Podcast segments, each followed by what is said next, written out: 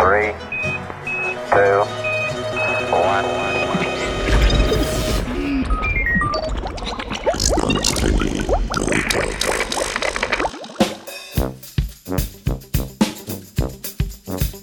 Marty Carveby.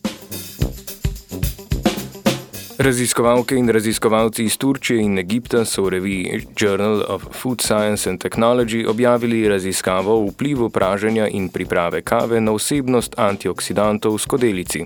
Z uporabo elektrokemijskih metod so ugotovili, da ima turška kava precej drugačen antioksidativni profil od espresa. Kava sodi med najbolj uživane brezalkoholne pijače. Po svetu letno spijemo več kot 500 milijard skodelic. Poleg tega, da mnoge motivira, da ostanejo iz postelje, vsebuje tudi mnogo biološko aktivnih spojin, ki ugodno vplivajo na zdravje. Te se ponašajo z antioksidativnim, protivnetnim in protimikrobnim delovanjem, ugodno vplivajo na raven holesterola ter zavirajo razvoj alergij in nastajanje krvnih strtkov. Pitje kave naj bi zmanjšalo verjetnost za pojav srčno-žilnih bolezni, Parkinsonove bolezni, sladkorne bolezni tipa 2, kapi, žolčnih kamnov in putike.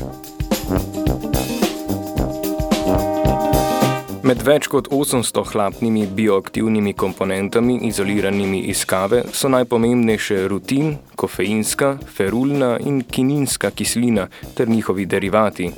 Eden izmed derivatov je tudi klorogenska kislina, ki pomembno vpliva na barvo, okus in aromo kave. Njena koncentracija v napitku je pogojena predvsem z vrsto kave, stopnjo praženja, mletja, količino dodane vode ter načinom priprave kave.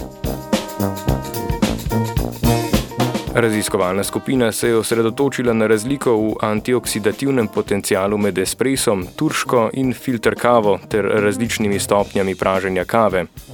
Določili so ga elektrokemično s sistemom treh elektrod, pri čemer so spremljali odvisnost toka od spreminjajoče se napetosti.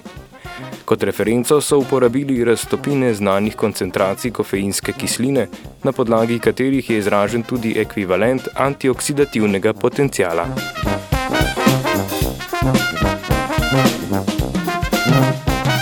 Z najvišjo antioksidativno kapaciteto se ponaša espresso, precej nižjo filter kava, najnižjo pa turška. Razlika v antioksidativnem potencialu je precej bolj občutna med različnimi stopnjami praženja kave, pri čemer ima najvišjo kapaciteto manj pražena kava, najnižjo pa temno pražena. V nekaterih primerjih temno pražene kave je bila količina ekvivalentov rutina ali kofeinske kisline pod mejo zaznave, kar pomeni, da praktično nima antioksidativnega učinka. Največ antioksidantov torej zaužijemo z espresom iz manj pražene kave, najmanj pa iz temno pražene turške kave, če sta skodelici enake velikosti. Ne glede na zanimive izsledke, moramo raziskavo vzeti s kancem soli. Rezultati namreč niso primerljivi s sorodnimi raziskavami, saj je skupina uporabila drugačne analitske metode in standarde ekvivalentov.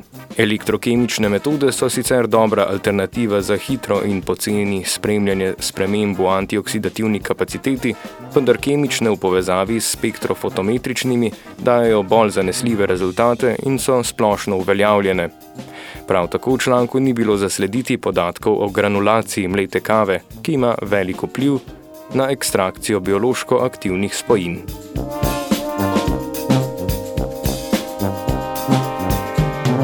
Z vami jo je danes srkal vajenec Tim.